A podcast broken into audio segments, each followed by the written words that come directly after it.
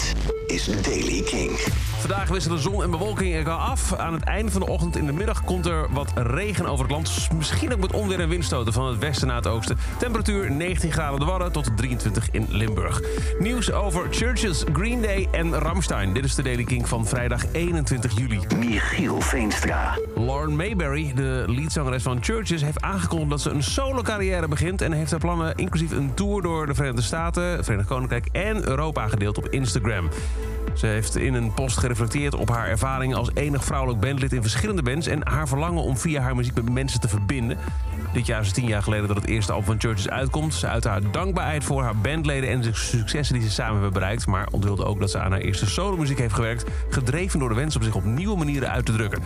Ondanks haar solo-carrière verzekeren ze fans wel dat het verhaal van Churches nog lang niet ten einde is. Woensdag 11 oktober staat Lauren Mayberry solo in de Melkweg in Amsterdam. Green Day heeft een nieuw nummer gespeeld tijdens een festival in Quebec in Canada, 1981. Fans herkennen het nummer van een teaser die frontman Billy Joe Armstrong vorig jaar al postte... en al drie jaar lang hint de band naar nieuwe muziek.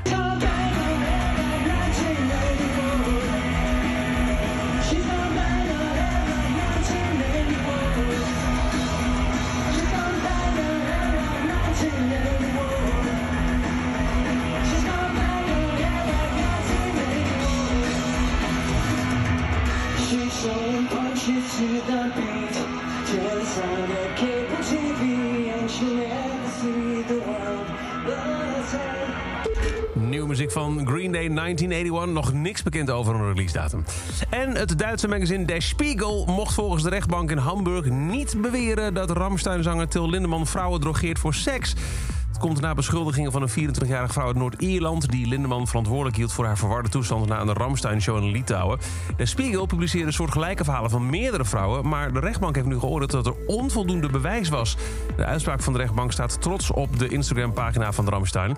Wel mocht het magazine suggereren dat Lindemann seks had met vrouwen... die mogelijk niet helder waren. Ze mochten niet zeggen dat het gebeurde, maar mocht wel suggereren.